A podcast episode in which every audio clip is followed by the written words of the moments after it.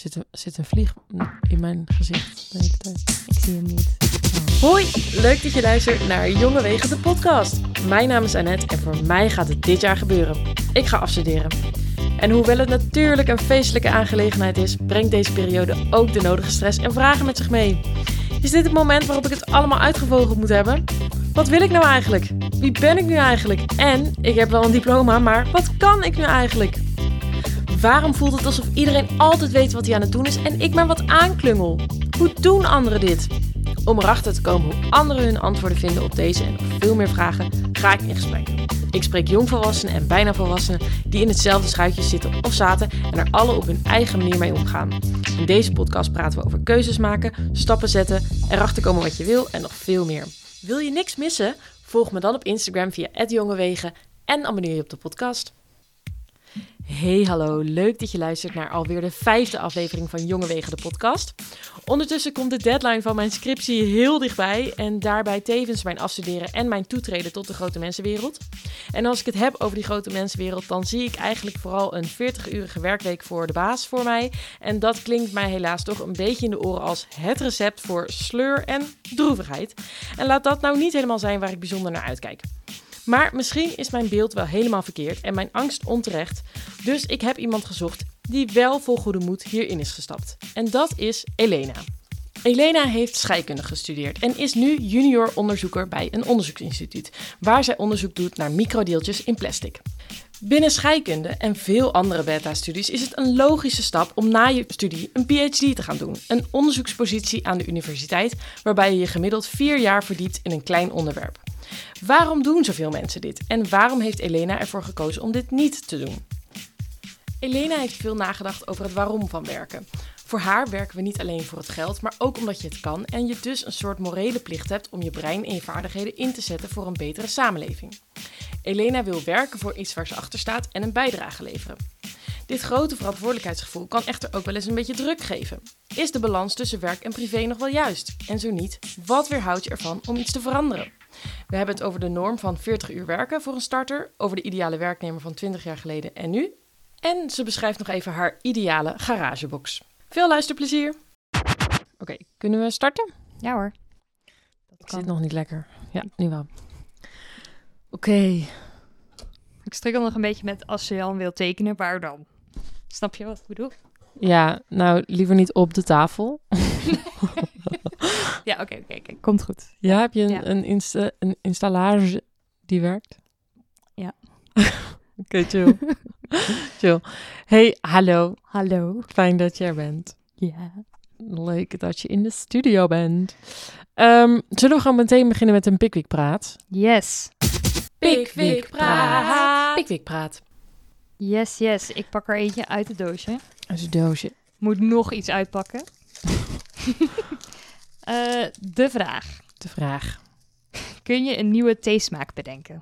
Oh, verdorie. Dit is nou We echt moeten niet... het werk van Pickwick doen. Wat zeg je? We moeten het werk van Pickwick Ja. doen. Inderdaad. Zij willen gewoon dat wij eh, hun dingetjes bedenken. Oké, nou. Ja, ik zeg ben het maar. erover aan nadenken. Ehm, wat ik zelf heel lekker vind is gember. Maar dan gember met een gekke combinatie die ik nog niet eerder heb gezien. Hmm. Gember chocola. Oh, dat klinkt echt heel ranzig. Als een soort van chocolademelk, maar dan te aangelengd met water. Ja, ik denk ook dat je eerst denkt, eeuw, zoete thee. En daarna, oh, ook nog eens heel, ehm, wat is gember, heel achter in je keel zo. Ik, ik weet niet hoe dat heet. Eh, Ja, een beetje pittig-achtig. Maar ja, dus dat is een soort van Oosters, Amerikaans mm, soepje. Ja, dat oké. is mijn thee, nieuwe theesmaak. Oké, oké. En ja, ik moet dit nu overtreffen. Ehm kut, ik had moeten nadenken. Oh, ja. ja. Ehm, ik, ik vind munt dus wel heel lekker in de thee, maar ik vind zeg maar alleen muntthee best wel een soort van te fris of zo. Te, Ja, kan ook eh, als tandpasta water. ja, eh, ja, een beetje Mhm. kauwgom. Dus ik dacht dat met iets van kaneel of zo, om het een beetje warm te maken. Muntkaneel. Maar ja, misschien Kaneelmunt. geen idee.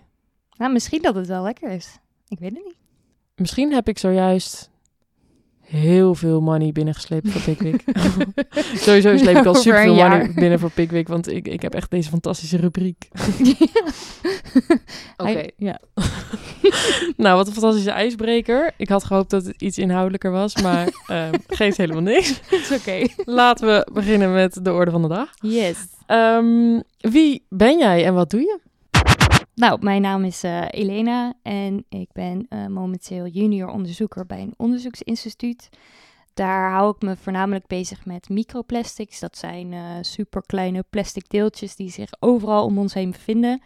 Ehm, en dan specifiek waar ik me mee bezig hou is het meten daarvan en het monitoren in het milieu. zowel in de lucht als in het water, ehm, maar ook bijvoorbeeld in de bodem. En dan ja, wil ik weten hoe kan ik dat het beste meten en hoeveel zijn het er dan en waar zijn ze en wat is het. Dus, eh, Vet. yes. Vet. Maar en hoe moet ik dat concreet voor me zien? Wat doe jij de hele dag? Ben je zeg maar met een soort van meetmachientje ter land, ter, ter zee en in de lucht? Of ben je in het lab? Of...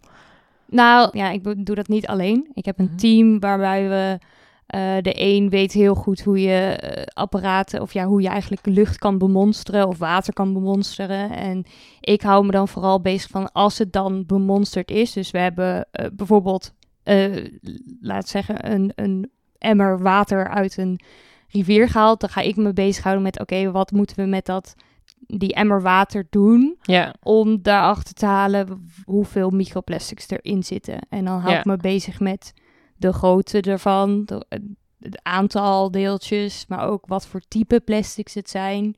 En ehm, ja, heel concreet wat ik nu doe, is het vooral ook naar de allerkleinste deeltjes kijken, omdat dat momenteel nog moeilijk is om te meten. Dus op het moment dat ze kleiner worden dan, dan een bepaalde grootte, dat kunnen we ze niet meer onder de microscoop zien. Dan moeten we andere manieren hebben om dat goed te kunnen meten. En daar hou ik me mee bezig met de ontwikkeling van nieuwe technieken en Ja.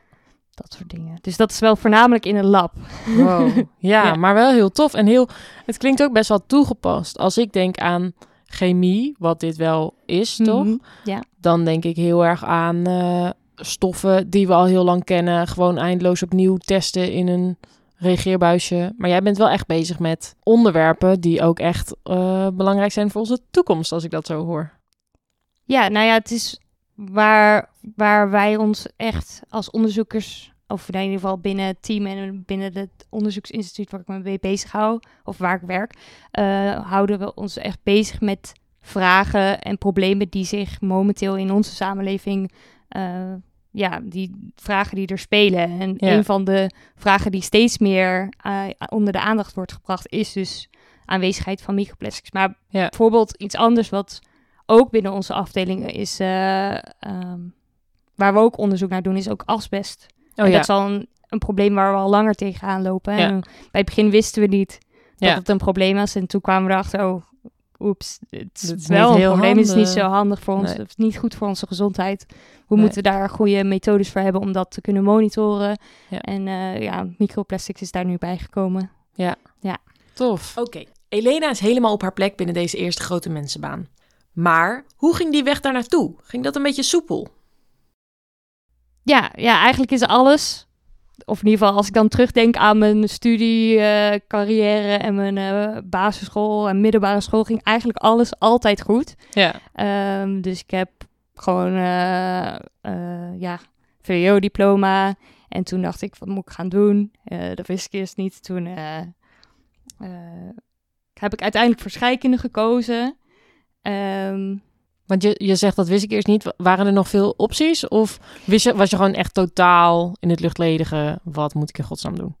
Ehm, nou ja, wat, wat er gebeurde is, ik heb eh, gewoon VWO gedaan en ik was eigenlijk overal goed. Of in ieder geval, dit klinkt heel, het klinkt heel stom, maar ik was in heel veel dingen goed. Ja.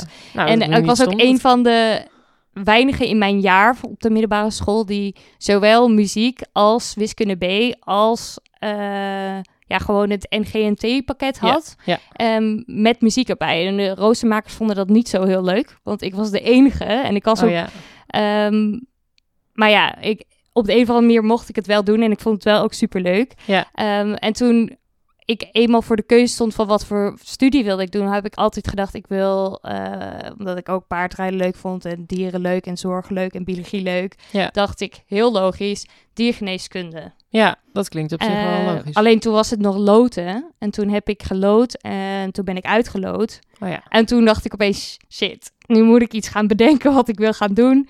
Eh, en ik was ook goed in tekenen, alleen en muziek maken. En ik deed ook aan dansen en ik deed ook mee aan zingen. En ik deed ook mee aan de, de ehm, muziektheaterproductie van de middelbare school. En toen, wist ik gewoon niet wat ik moest doen. En toen zei mijn moeder, ja, oké, wat vind je nou echt heel leuk op de middelbare school? Eh, en waar ben je ook echt heel goed in? En uiteindelijk heb ik dan toch voor de beta-vakken gekozen. Mhm. En daar was dan de combinatie van zowel natuurkunde, wiskunde, schijk of ja, natuurkunde, wiskunde, biologie, scheikunde maakte de combinatie van scheikunde, want daar had je een soort van toepassing van, Van de natuurkunde. Ja, precies. Ehm, en dat vond ik dan weer net leuker dan dus het hele theoretische van natuurkunde en wat meer, ja, ik weet niet. Het was dus of biologie of scheikunde. Oké, het werd dus scheikunde. Maar betekent dat dan dat je automatisch je eerste rangsplan, diergeneeskunde, zomaar bent vergeten? Ja, nou kijk, eh, ik dacht dus toen ik begon met studeren voor scheikunde van, oh, ik ga over een jaar weer eh, loten. En Oh dan ja, word ik ja. misschien weer ingelood en dan, eh, Voor diergeneeskunde ja, weer. voor diergeneeskunde en dan ga ik dat doen. Maar ik merkte zo dat ik ook gewoon de omgeving, de studieomgeving, de studiegenoten van scheikunde, dat klikte zo erg en er was een leuke studievereniging dat ik dacht, nee, dit is misschien toch wel de juiste plek voor mij. Ja.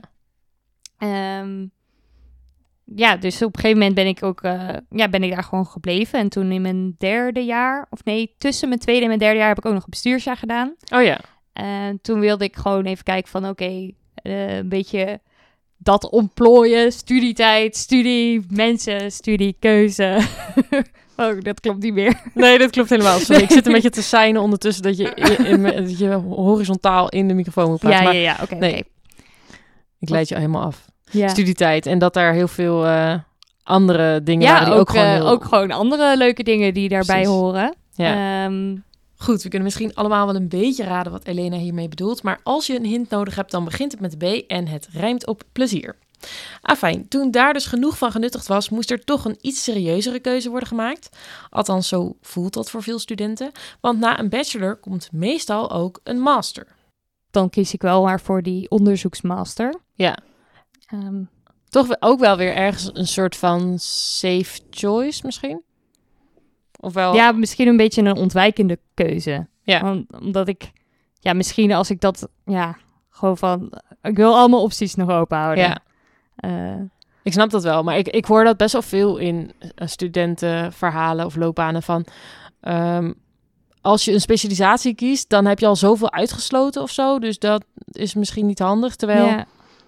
Ja, dat gevoel heb je. Ja. Terwijl dat eigenlijk niet zo, zo zou moeten zijn. Je moet eigenlijk gewoon hetgene kiezen wat jij op dat moment ja, het meest aanspreekt. ja, maar het is zo eng om iets te kiezen wat je op dat moment voelt. Omdat Ja. je bang bent. Ja, maar wat als het volgende week anders is? Ja, maar je kiest natuurlijk naar eer en geweten op dat moment. Maar Ja, precies. Dus eigenlijk, eigenlijk zou dat je niet tegen moeten houden. Nee. Nee. Maar ja, ook wel weer logisch dat je, je doet een studie en je gaat ervan uit dat je na die studie niet nog vijf studies doet. Dus je wilt wel ook een soort van de meest, ja, toch wel de beste fundering voor je loopbaan maken. Precies. Ja, en ik denk wat zeker bij scheikunde, ik weet niet hoe het bij andere studies is, eh, ook wel meespeelt, is dat je eh, ja, veel van de mensen die ik ken die de scheikunde hebben gestudeerd, eigenlijk bijna allemaal standaard een PhD gingen doen. Ja, dat vind ik Dus- nog wel interessant. Want ehm, waarom is dat zo logisch? Nou, dat is heel logisch, omdat eh, in ieder geval wat wij meekrijgen tijdens onze eh loopbaan, coaching tijdens de studie, is dat als je een PhD hebt, dat je dan ook, eh, dat veel bedrijven je dan ook eerder aan gaan nemen. Eh, dat er dan meerdere, ja, gewoon meerdere vacatures zijn die echt specifiek voor een PhD eh, zoeken. Maar i- dat snap ik niet helemaal, want een PhD doe je toch heel gericht een aantal jaar onderzoek naar één specifiek onder, onderwerp. Als je dan daarna eh, gaat solliciteren op een vacature, dan is die vacature toch heel waarschijnlijk niet precies dat onderwerp. Ja, die is waar, eigenlijk gewoon bijna 100% zeker niet dat onderwerp. Ja, dus waarom ben je dan meer waard als je daarvoor eerst vier jaar uit de naad hebt zitten werken op een heel ander onderwerp?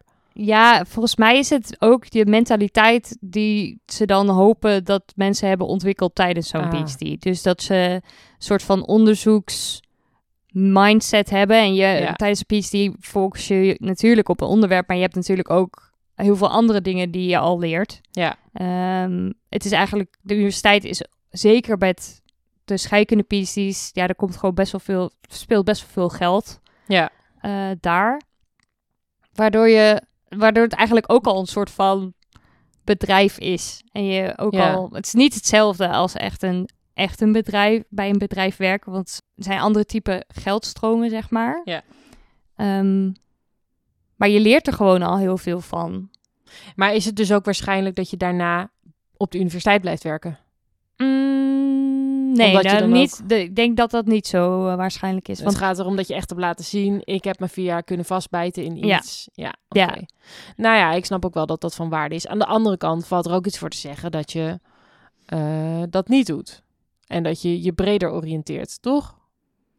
Ja, ja, zeker. Dat denk ik ook. En ik ben er ook niet echt van mening. Ja, ik vind eigenlijk dat je een PhD moet doen op het moment dat alleen omdat je het heel leuk vindt. Ja, Niet omdat je dan denkt, oh, dan kan ik die baan krijgen die ik later zou willen hebben. Want als, ja. Of dit is gangbaar bij scheikunde, dus ik moet dit nu ook doen. ja, Toch?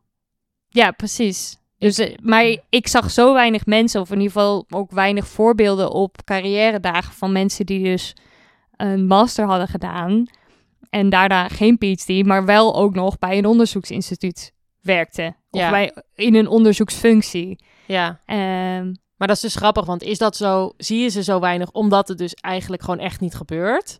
En het dus ook een soort van niet mogelijk is? Of zie je ze zo weinig omdat iedereen een soort van vastzit in het gedachte, je moet echt eerst een PhD hebben gedaan. En dus gaat het altijd zo.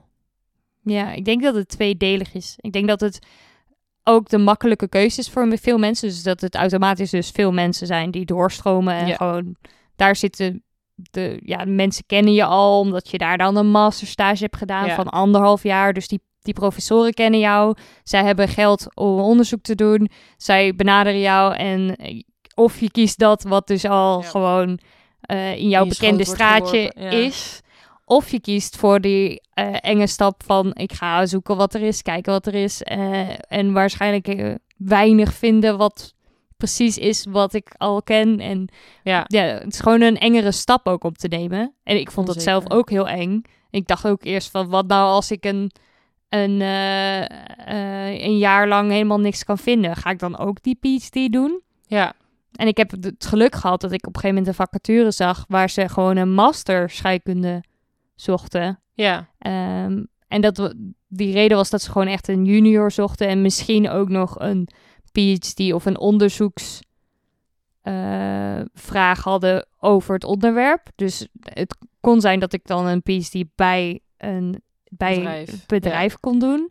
Maar die, ja, dat was nog niet zeker. En ja, het was gewoon een jaarcontract. Dus dat was voor mijn gevoel gewoon net iets anders dan zo'n commitment voor een PhD. En Ja. het was dus een onderzoeksfunctie met een master. ja. Dus dat, het, het kan wel. Ja. Ja, want eh, kun je iets vertellen over hoe dat dan nu... Je hebt net verteld inhoudelijk wat je nu doet op je huidige werk. Ehm, maar je hebt me destijds wel eens verteld... Bij een PhD, wat het onderscheid is, bij een PhD ga je echt vier jaar op één onderzoek Mhm. bezig. En begrijp ik dan dat jij meer verschillende projecten op je neemt Ja, nou kijk, je waarom ik zo twijfelde. Ik twijfelde echt van wil ik een PhD doen. Want ik heb heel erg dat als ik ergens me op focus, dan vind ik het eventjes heel erg leuk. En dan Ja. daarna denk ik, oh, dit is saai. Ja. of ik heb mijn interesse dan wel weer kwijt. Oh, dus toen dacht ik van, erg, ja. Na vier jaar, ja, kan ik dat wel vier jaar? Ja. Vind ik dat wel leuk? Of word ik dan na één jaar eigenlijk miserable en dan moet ik nog drie jaar lang door? Ja, Eh, en wat ik nu doe en wat ik dus heel best wel leuk vind aan mijn werk, is dat het gewoon een project is. Eh het, eh, hangt af van het project, maar het kan één maand duren, het kan ook een jaar zijn. ja, Maar eh, ja, het is altijd in samenwerking met anderen. Ja. En, en je werkt samen ergens heen en je, het is afgerond, je levert iets op en het is Ja. klaar. En Ja. eventueel komt er vervolg, maar Ja. het is veel meer afwisseling. En dat Ja. vind ik wel heel leuk. En toch wel ook dat onderzoek doen. Ja, Ja. zeker. En het, wat ik heel erg leuk vind, kijk, bij onderzoek op de universiteit of bij PhD, dan ben je echt in je eentje. En ja, je hebt natuurlijk wel ook nog andere mensen die ook onderzoek doen, maar het is jouw onderwerp. Ja. Jij moet dat doen. En bij, mij, bij ons is het, het is een vraag wat gewoon in onze samenleving bestaat. Het is veel toegepaster. Wat je al zei in het begin. Ja, Eh, het is iets wat speelt nu en er moet nu een antwoord op komen. Of, en en Ja. vaak het onderzoek wat gedaan wordt op de universiteit is, is ook relevant, want anders zouden we het niet onderzoeken. Maar het kan ook, het is wel wat meer ver, ver van je bedshow, zeg maar. ja, Het is potentieel een oplossing voor iets, misschien over twintig jaar. ja, Eh, kan ook tien jaar zijn, maar het is veel Ja. minder de vraag van nu. ja. Ja, en ik kan me voorstellen als jij bezig gaat met een eh, opdracht voor, weet ik veel, vier maanden, een project voor vier maanden, dan doe je alle stappen van het onderzoek een soort van in het klein en heel versneld. Hmm. Terwijl als je vier jaar met iets bezig bent, hoe ik dat dan voor me zie, maar misschien ziet dat er anders uit. ehm, dat je een jaar lang li- literatuur of theoretische studie doet. Mhm. Dan ga je een jaar lang nadenken wat voor methode ga je gebruiken. En dan ga je dat uitvoeren. En dan ga je dat helemaal opschrijven en publiceren en weet ik wat allemaal. Zo zie ik dat een soort van voor me. Waarschijnlijk ziet het er misschien een beetje anders uit. Maar Ja, ik denk dat dat heel, ook, heel erg afhangt van je, ehm, van je vraag van je PhD. Maar ja, ik denk dat, ja, het is natuurlijk veel, je bent veel langer bezig met één onderwerp. Dus Ja. je, de, de, je planning van je project, zeg maar, Ja. wordt heel anders. Ja, maar wat je zegt, ik kan me dat heel goed voorstellen dat je, als je dan iets super boeiend vindt, dat je na een jaar denkt, eh, ja oké, dit was heel boeiend, maar nu ben ik wel weer klaar mee. Maar dan moet je eigenlijk pas Ja. beginnen met je onderzoek te gaan opzetten. Ja, ja eigenlijk Oh, wel, ja. heftig. ja. Maar ja, nu heb ik al een soort van waardeoordeel over, dat is misschien niet helemaal de bedoeling. Nou, Ja, ik, denk dat, wel. ik denk ook dat het heel leuk kan zijn als je ergens expert op wordt. Ja, dat en dat is, wel is, tof. natuurlijk wel zo dat, dat je dan, als je ergens heel lang in bijt, dat je dan op een gegeven moment de expert genoemd kan worden. En Ja. dat iedereen naar jou toe komt met Dat van, is wel "Wow, waar. ik wil dit weten. En dan dat jij dan... Ja. ja, dat is wel bijzonder. Nou ja, ik vind dat dus sowieso... Volgens mij hadden wij het daar laatst over dat eh, jij zei, er, er, er zijn nu heel andere eh, wensen of eisen die we stellen aan de ideale werknemer dan tien jaar geleden. Toen wilden we graag iemand in dienst nemen die iets heel goed kan of ergens helemaal in Mhm. excelleert. En nu willen we iemand die overal een beetje van kan. Zeg ik dat goed? Jij ja, zei- jij had het ja we, hadden, we hadden een eh, cursus, veerkrachttraining heet het. Eh, en daar kwam iemand wat vertellen tegen ons. En het was vooral gericht op, eh, ja, hoe ga je om met onverwachte situaties. En dat Mhm. was volgens mij vooral, de corona was volgens mij de aanleiding Ja, voor deze redelijk training. onverwacht, hè? Ja, redelijk onverwacht. Toch best wel heftig, veel impact. Maar eh, daar had hij het op een gegeven moment over de, de, de ideale werknemer. Ja. Eh, en daar ging dus ook om dat diegene veerkrachtig is. Dus ook in, in slechte situaties daarmee om kan gaan. En ehm, eh, daar had hij het dus ook over, inderdaad wat je zei, dat tien jaar geleden er was de ideale werknemer iemand die heel specifiek iets kon en iedereen deelde wel wat, zeg maar, samen met alle individuele expertises maakte je dan je, eh, maakt, dat, ja, dat, dat was het werk. Ja, ja. Ehm, maar dat het nu, dat nu de ideale werknemer meer iemand is die supergoed kan multitasken, meerdere expertises heeft, of ja, ja. op, op meerdere vlakken goed is. Hoeft niet per- per se perfect te zijn, maar dat je ook Ja. kan inspringen wanneer iemand uitvalt of eh, wanneer iemand wegvalt. Ja. Want het, wat er, ja, denk ik, ik denk dat dat vroeger misschien wel veel is voorgekomen. Ik weet niet, ik heb geen idee. Maar als mensen heel goed in iets zijn en dan opeens weggaan, ja. dan, Dan ja, valt je hele systeem van je bedrijf of organisatie misschien wel. ja, dus je wil eigenlijk dat iedereen alles, alles kan. Ja. nou ja, het is heel afhankelijk van je bedrijf natuurlijk. Ja, ja, ja, tuurlijk, ja. Eh, Maar in ieder geval niet dat alles, alle kennis bij één persoon ligt. ja, ja. Ja, kennis, maar ook gewoon een stukje vaardigheden. Het is ook Mhm. gewoon heel fijn dat als iemand eh super veel kennis heeft, maar echt de ballen snapt van PowerPoint, dat hij altijd langs iemand anders moet gaan om een PowerPoint-presentatie te maken. En dat Mhm. een andere, een derde persoon dan weer de presentatie moet geven, want die is heel gespecialiseerd in presentaties geven. Ja, dat is eigenlijk op den duur ook natuurlijk niet echt een heel nee, het is niet heel, heel efficiënt ook. Nee. Nee.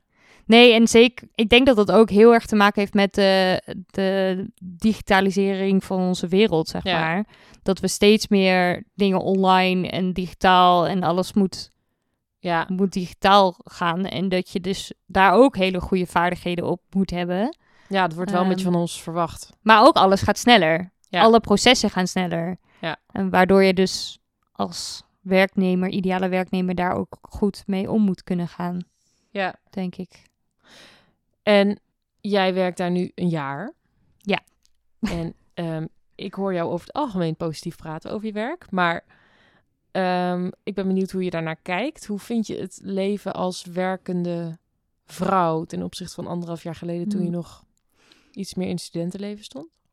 Ja, ik vind het soms heel moeilijk om daar echt iets over te zeggen, omdat ik soms het gevoel heb dat ik een valse start heb gemaakt.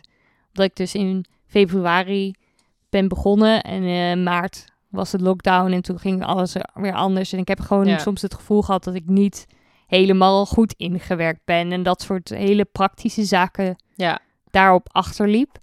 Ehm, maar ik merkte wel heel snel al dat het heel iets anders is dan wat je eigenlijk je hele studietijd hebt gedaan. Dus het is wel echt weer een andere stap.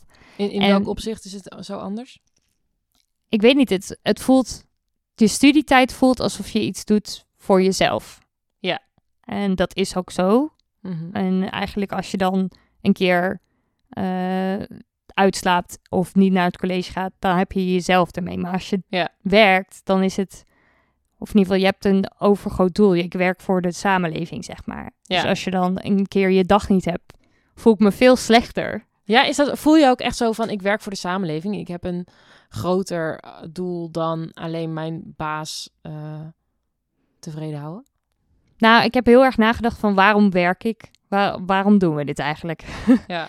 En eh, ja, je, je, je gaat studeren, of in ieder geval je gaat naar school. Je leert dingen, je gaat studeren. eh, want je hebt een goed brein. Mhm. eh, en je gaat daarna werken. Ja. Wel, maar waarom doe je dat?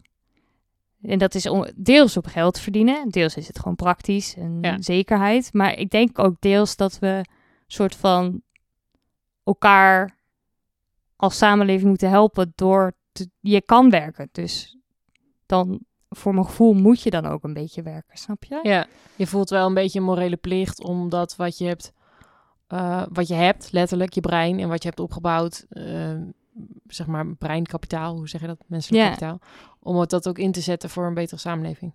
Ja, en ik denk ook dat ik daarom altijd voor iets zou willen werken waar ik me ook, waar ik ook echt achter sta. Ja, En niet iets wat gewoon soms, soms denk ik, ik zou bijvoorbeeld nooit bij een flow trader of zo kunnen werken. nee, nee. dus nee, eh, nee. als ik gewoon alleen maar het optimale geld, of, optimaal geld, ja, hoe heet dat? Optimale proces kan maken of de snelste computer die Ja, ervoor kan zorgen dat ja. ik net weer wat meer geld kan verdienen. Ja, dat, daar word ik niet blij van. Ik wil ook wel echt een bijdrage kunnen leveren. ja, Eh, en nu doe ik dat dus op een manier voor een veilige leefomgeving. Of om te kijken hoe we onze leefomgevingen zo veilig mogelijk kunnen maken voor mens en dier en milieu. ja, Ehm, maar ja, ik denk zo dat iedereen, eh, ja, zo zijn bij, als je dat kan, dat je dan je bijdrage moet leveren, soort van. ja. En dat als iedereen dat doet, zonder daar te veel over na te denken, denk ik, ja, dan hebben we, dan hebben we een samenleving, toch? Ja. Ja, dit Ja. klinkt heel vaag, maar... Nee, dit klinkt, dit klinkt fantastisch. maar nee, ik snap wat je bedoelt, ja. Maar soms mis ik dan wel nog het. Maar waar, waar ben ik dan in dat plaatje, zeg maar? Want je doet het dus. Zo, je wil ook jezelf ook ontplooien. Ja, Dus doe ik dat, is dat dan alleen maar in mijn vrije tijd, mijn hobby's? Want ik mis soms zo'n. De energie die ik haalde vroeger uit de, de, de eh, muziektheaterproductie. En die dingen vond ik gewoon zo leuk. En Ja. als ik dan nu 40 uur in de week werk, dan ben ik gewoon soms zo moe. Ja. Dat ik denk, oké, nou, dat, dat, zo, zover moet het ook... Waar ligt dan Nee, de grens, zeg maar? Ja, waar ligt de grens in en wanneer ehm, is, want dan lijkt het dus dat je, je primaire doel is dus om die eh, eh, bijdrage aan de samenleving te, le- te leveren, te geven. Kom even niet aan mijn woorden. Dat dat dus is waar je het grootste deel van je tijd aan besteedt. Maar is, ehm, ik kan me ook voorstellen dat je denkt, oké, dat vind ik heel belangrijk. Daar besteed ik ehm, dit percentage van mijn tijd aan. Mhm. Maar het is ook belangrijk dat ik dat goed kan blijven doen. Dus ik wil mezelf voeden door hobby's te doen en persoonlijke projecten te hebben en zo. Ja, nou ja, ik denk heel erg dat daar een balans in moet zijn, inderdaad. Ja. En ik heb, ik heb die balans gewoon nog niet gevonden. En die hoop ik ooit wel te kunnen vinden. Ja. Maar wat ik eng, wat ik soms eng vind, en ik denk dat veel mensen, veel starters dat zullen hebben, is dat op het moment dat jij je laat zien dat je eigenlijk ook nog voor, an, voor jezelf kiest. Zoals, de, oh ja, ik wil eigenlijk niet 40 uur werken, maar eh 30 uur. Ja. Van dat zij denken, oh, misschien kunnen we dan iemand anders vinden die dat wel doet. Ja, ben je daar bang voor? Nou ja, ik weet niet. Ik denk ook wel dat daar ruimte voor is. Maar er is, je wil ook laten zien dat je goed wil werken. Ja, Ja, dat je goede werknemer bent. dat je goede werknemer bent. goede ja. werkmoraal hebt. Nee, dat snap ik wel. Maar ehm, ja, nee, het is, dat is ingewikkeld. Want eh, wanneer slaat dat dan door naar pleasen? Ja, Of Ja, eh, wanneer is het dan workaholic genoeg? zijn? Ja. ja. Ja, ja, nou ja, ik denk 40 uur. Als het die 40 uur gaat overschrijden, want ik, eh, ik heb collega's die eh, 50 uur werken. Ja. En volgens mij betaald krijgen voor 40. Nou, dat, ja. dat, dat wil ik niet, in ieder geval. Nee, oké, maar, maar naar jouw situatie voelt het nu voor jou alsof die 40 uur, alsof dat klopt voor jou. Dat je dan nu doet wat je wil doen in je Mm, leven. Nee, ik vind het te veel. Ja. Ehm, maar ja, dit is heel stom. Wij waren, ik was een keer op een, eh, een feestje. eh, en daar zei een, eh, een ouder iemand, die zei van... Oh, jij bent nog jong, je moet 40 uur werken. Dit, dit, precies, hier had ik van de week nog gesprek over. Die norm van vijf dagen in de week werken zodra je afstudeert. Waarom is dat? Ja, ik snap dat ook niet. Want ik denk juist, ik denk juist dat mensen beter zullen werken als zij ook hun eigen persoonlijke, eh, persoonlijke needs goed Zeker. pleasen. En ik denk, Want- als jij vanaf je 24, 25ste jezelf al afmat met fulltime werken en totaal op een gegeven moment na vijf jaar niet meer weet wat je eigen persoonlijke interesses, doelen of eh, pleziertjes zijn, dan ga je dat nooit meer doen. En dan kom je er op je 40ste ineens achter, oh, eigenlijk is werken verschrikkelijk en dan wil je het nooit meer. En dan eh, eh, heb je een burn-out of weet ik wat je dan hebt. Ja, maar ook eh, volgens mij de, de cijfers van burn-out zijn in onze generatie gewoon het hoogst. Ja, laat ik hier nou toch maar eens even onderzoek naar doen. Want er is de laatste tijd veel te doen over onderzoekspublicaties omtrent jongeren en burn-out. Er worden heel veel artikelen gepubliceerd waarin wordt gesproken over extreme en zorgelijke percentages van tussen de 50 tot soms wel 70 procent van de jongeren die zou kampen met burn-out klachten. Veel van deze onderzoeken worden echter ook weer gerectificeerd, omdat blijkt dat de onderzoeksgroep dan niet helemaal representatief is of dat het onderzoeksbureau niet onafhankelijk is. Maar hoe dan ook geven de terugkerend hoge cijfers natuurlijk wel zorgelijke signalen af. En als we kijken naar een onderzoek uit 2019 door het ministerie van Volksgezondheid middels de nationale enquête arbeidsomstandigheden, dan lijkt het hoogste percentage burn-out klachten van gemiddeld 20% inderdaad te liggen bij mannelijke en vrouwelijke werknemers tussen de 25 en 35 jaar.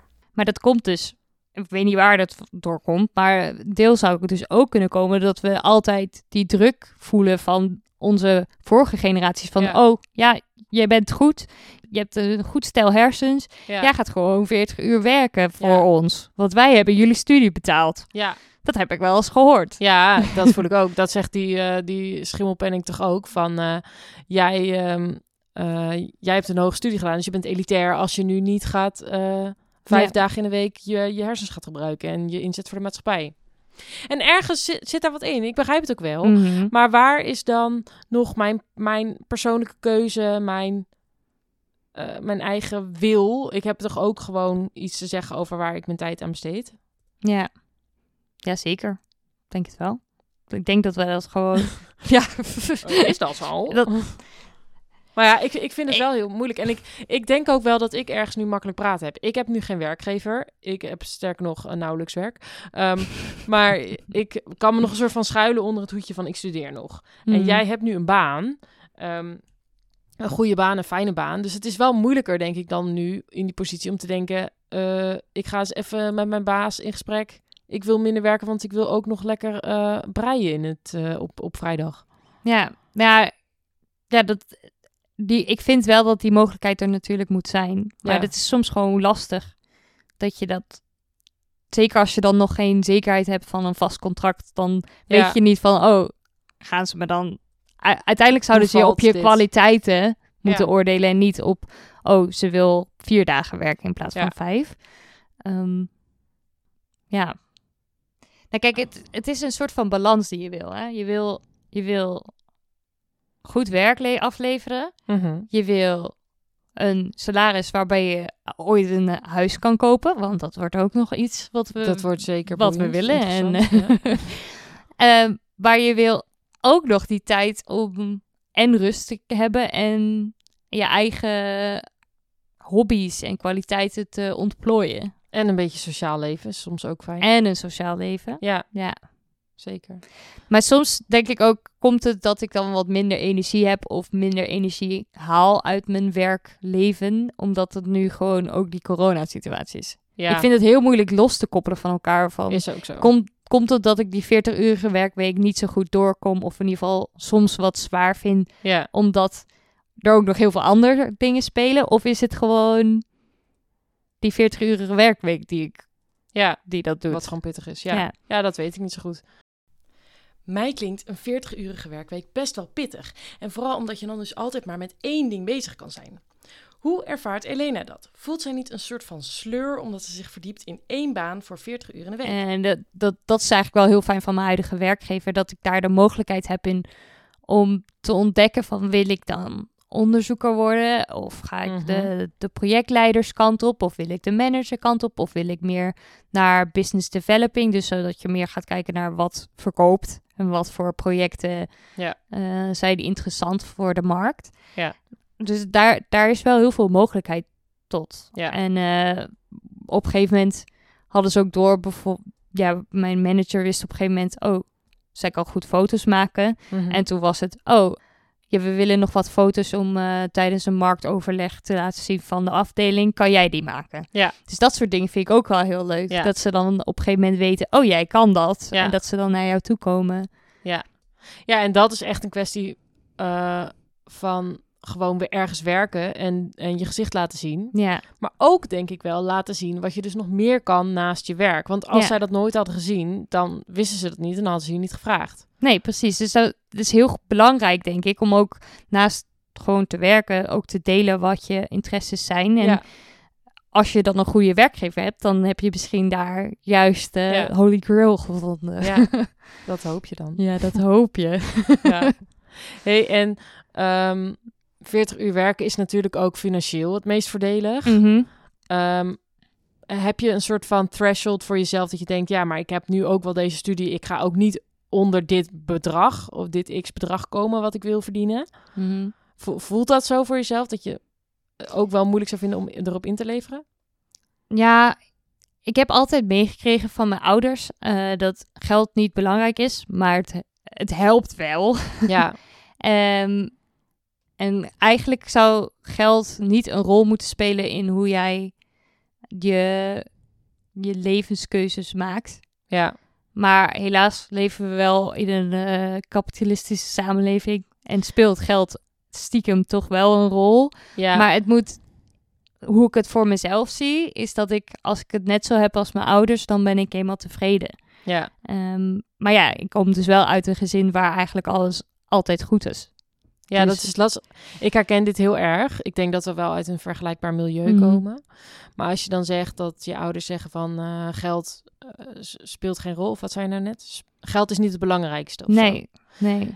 Ja, maar dat zeg je dan wel vanuit de positie dat er eigenlijk nooit een Mhm. tekort is geweest. Ja, precies. Dus dat is... Dus ik herken het heel erg, maar ik vind dat ook wel weer lastig. Want dan denk ik, ja, er zijn gewoon mensen die wel de eindjes bij elkaar knopen en hopen dat ze het eind van de maand redden.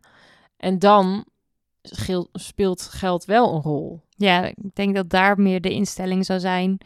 Zorg dat je die baan hebt die eh, jou zoveel zekerheid geeft dat je je daar nooit meer druk om hoeft te maken. Ja, maar als dat de baan is waar je wel 40 uur in de week ongelukkig van bent, wat jij nu niet hebt, hè? ik, zeg- ik suggereer nee, niet nee, dat nee, maar hebt, dat maar Ja, het gaat gewoon over keuzes. ja, Ja.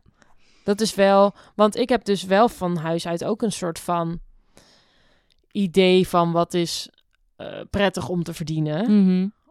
Ergens al wel als een soort van minimum. Ik hoop toch wel dat ik minimum dit bedrag verdien of zo. Ja. Maar ehm, ja, ik wil daar ook weer qua kwaliteit van leven ook weer niet al te veel op inleveren. Nee. Want ik zie bijvoorbeeld dat mijn moeder wel echt moken veel werkt. Wel, ze vindt wel bijna alles heel leuk en heeft daar hard voor. Mhm. Maar ja, ik hou echt enorm van weekendjes weg en weet ik veel. Eh, Daar heb je ook geld voor nodig, maar ook gewoon dat ik zin heb om van het leven te genieten. En niet dat op de momenten dat ik tijd heb om van het leven te genieten, dat ik zo back af ben van mijn werk, dat ik dat niet meer kan. Ja. Dat doet me een beetje denken aan die eh, Black Mirror aflevering. Ik weet niet, het is zo'n Black Mirror aflevering die het Mhm. heeft over... Op een gegeven moment zijn mensen daar constant aan het werk, volgens mij. Of aan het, als ze gaan werken, dan gaan ze op een fiets fietsen en daarmee verdienen andere mensen geld. Wauw. Eh, Maar eigenlijk komt het erop neer dat die mensen elke dag precies hetzelfde doen. Keihard werken Ja, en ja, eigenlijk niet meer leven. Nee. Maar daardoor hebben ze wel de dingen die zij in hun hoofd denken te willen hebben, hebben ze dan. Ja, Ehm, maar dat is dus eigenlijk ook voor ons. We we moeten een soort van balans vinden tussen wat we. Wat wil je in je leven doen? En hoe wil je dat bereiken? En wat heb je daarvoor nodig? Ja. En dat wat voor heb je daarvoor nodig? Zoveel moet je dan werken misschien. Ja. Maar dan moet je Ten- eigenlijk ook, tenzij je dit wat heb je nodig kan bereiken met wat vind je leuk om te doen. Juist. Ja. Ik wou zeggen, en dat is misschien de ideale situatie, maar dat weet ik niet. Want ik weet niet of het ideaal is om dat wat je leuk vindt ook je geld mee te verdienen. Mhm. Ik weet niet of dat altijd ideaal is. Nee, nee dat dat is zo'n uitspraak. Als je van je werk je hobby maakt, dan hoef je nooit meer te werken, toch? Ja, dat vind ik dus echt bullshit. Want het is Oh, als wordt- mijn hobby zou zijn om te breien en ik ga fulltime breien, dan da- daar verdien ik alsnog geen snot mee. Want ik moet ook dan Ja. gewoon mijn boekhouding doen, mijn marketing doen. eh, weet je wel? Ja, maar en breien vind je waarschijnlijk leuk ook voor een uurtje. Op zondagmiddag, ja. In, in een maand, in plaats van, eh, ja, dan wordt het gewoon kinderarbeid. Of gewoon, Nou ja, hoe heet dat als je dan een kind bent? Maar Ja. grote mensenarbeid. Ja, arbeidsmishandeling. Ja, ja, ja. Nee, ja, dat is ook zo. Maar dus eigenlijk kun je dan concluderen dat het eigenlijk wel fijn is om gewoon ook te werken naast je hobby. Ja, ik denk gewoon werk wat je wel leuk vindt. Dus wat je wel interesseert en waar je Ja. energie van krijgt. Want ik denk dat dat heel belangrijk is. Ja, Dat je niet eh, naar werk gaat en terugkomt en denkt... Ik, kan gesloopt." helemaal niks meer. Ja. Dus de- je werk moet bij jou passen. Maar, Maar het is- hoeft niet per se. ik denk ook dat dat niet alleen maar over de inhoud gaat. Ik zou me kunnen voorstellen dat het heel erg interessant, boeiend interessant werk kan zijn. Maar dat als de voorwaarden totaal niet zijn wat bij jou past als persoon. Mhm. Dus stel je vindt scheikunde heel leuk, maar je moet de hele dag vergaderen over scheikundige processen. Weet ik veel of dat gebeurt, Mm. maar dat je dan helemaal gesloopt bent, terwijl je misschien de inhoud heel boeiend vindt. Dus daar gaat Ja. het gaat ook wel natuurlijk over een werkplek vinden die op zo'n manier werkt dat het ook past bij jouw persoonlijkheid, karakter, kwaliteit. Ja, en ik denk ook wat heel erg meespeelt is eh, je collega's gewoon. Ja, Dus heb je leuke collega's? ja, Want ja, dat, dat merkte ik in mijn studietijd al. Op het moment dat je leuke studiegenoten hebt, ja, dan ga je liever naar die stomme acht uur collegezaal dan als je daar alleen zou moeten zitten. ja, sowieso. Ja, Ja. is zo. Ja, toch uiteindelijk maken de mensen alles goed, hè? Ja, gewoon samen zijn, Samen zijn. lachen, biertjes drinken. hey, ehm, mijn maagje gaat ook een beetje rammelen. Zullen we afronden? ja, is goed. ik hoop dat je er iets moois van kan maken. Zeker. Oh, we gaan nog even, we gaan, we gaan de tijdmachine de nog even doen. tijdmachine, de tijdmachine. Ja, het gaat, het gaat hartstikke snel allemaal. Oké, we gaan de tijdmachine. We gaan gewoon als een tijdmachine doorheen. Oké. Tijdmachine. Ehm, terug naar het verleden. Yes. Hoe dacht je toen je klein was over de toekomst? Nou, toen ik over mijn werktoekomst bedoel je? nou, over het leven. Over het leven. Nou, toen ik heel klein was, ik vind het heel moeilijk om te, terug te halen, maar ik wist wel dat ik juffrouw wilde worden. Mhm, ja. Ja, vooral basisschooljuffrouw, gewoon eh, schooljuf. Schooljuf, ja, schooljuf. En, en ik wilde paardrijden.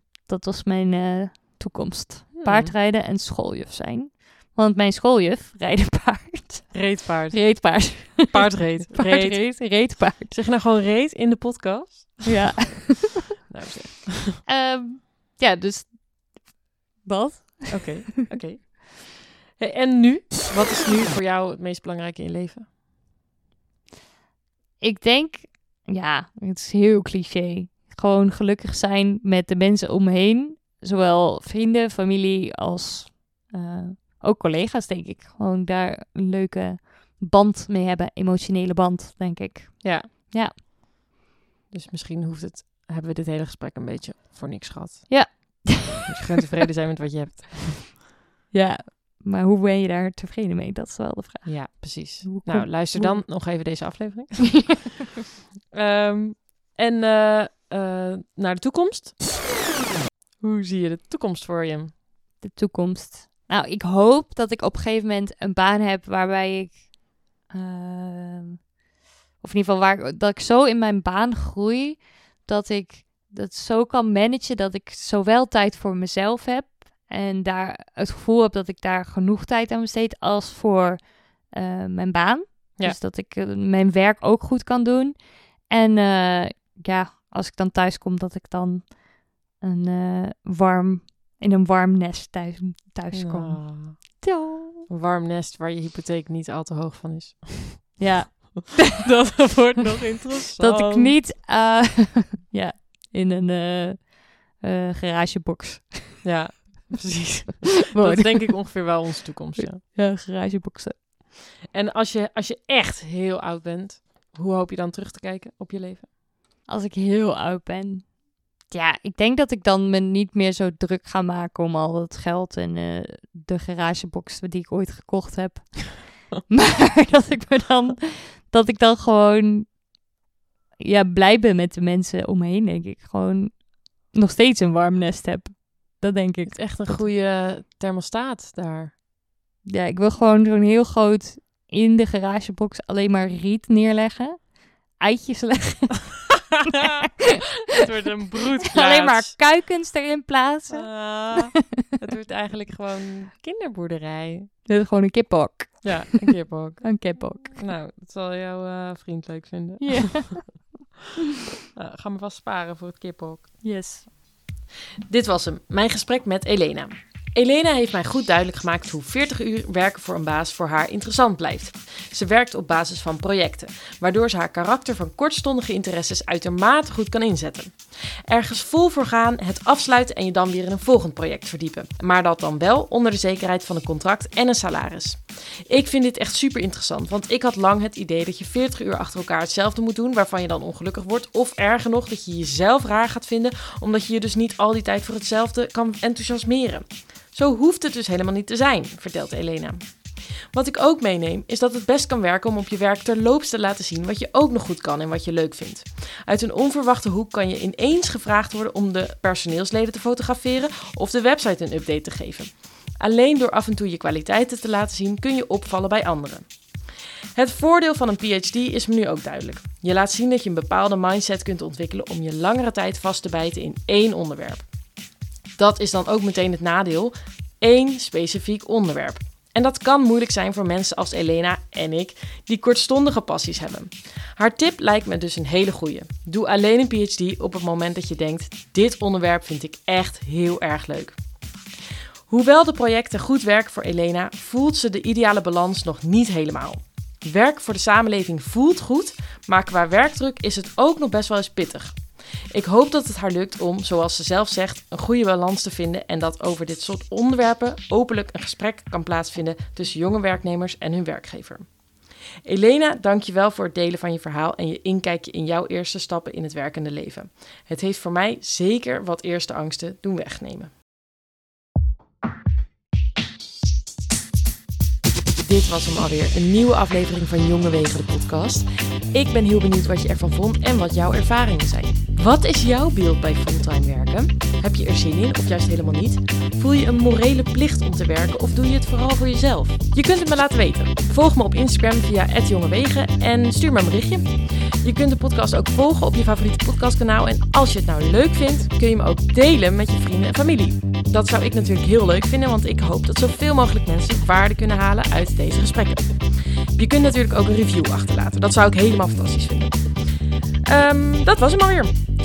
Jongewegen de podcast, gemaakt door mij, Annette Pijper. En de muziek is van Bastiaan Ilmer. Tot snel weer. Joep!